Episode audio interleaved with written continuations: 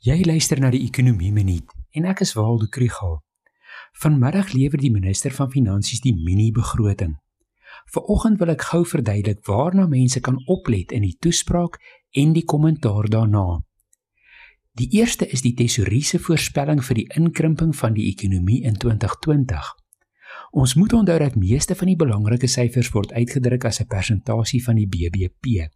So wanneer die ekonomie inkrimp, verswak syfers soos die begrotingstekort tot BBP en die staatsskuld tot BBP. In die aanvullende begroting is 'n inkrimping van 7,2% voorspel, maar die Reserwebank voorspel reeds 8,2%, so die minister sal iets daaroor moet sê. Die tweede is hoeveel die belastingtekort is.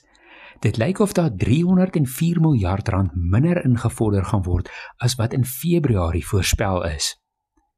Die volgende is watter besteding geskuif gaan word en wat gesny gaan word. Dit is ook belangrik om te hoor of die minister dalk iets sê oor die moontlike vries van die staat se salarisrekening.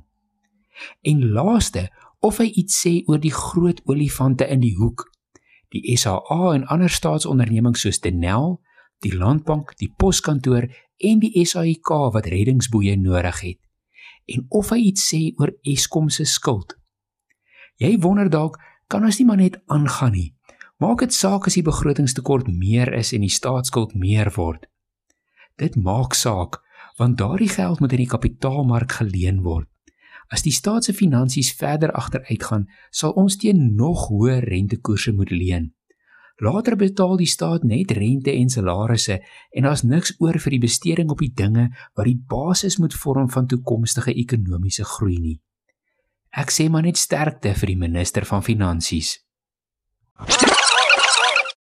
As jy meer van die ekonomie wil leer, volg die ekonomie blok.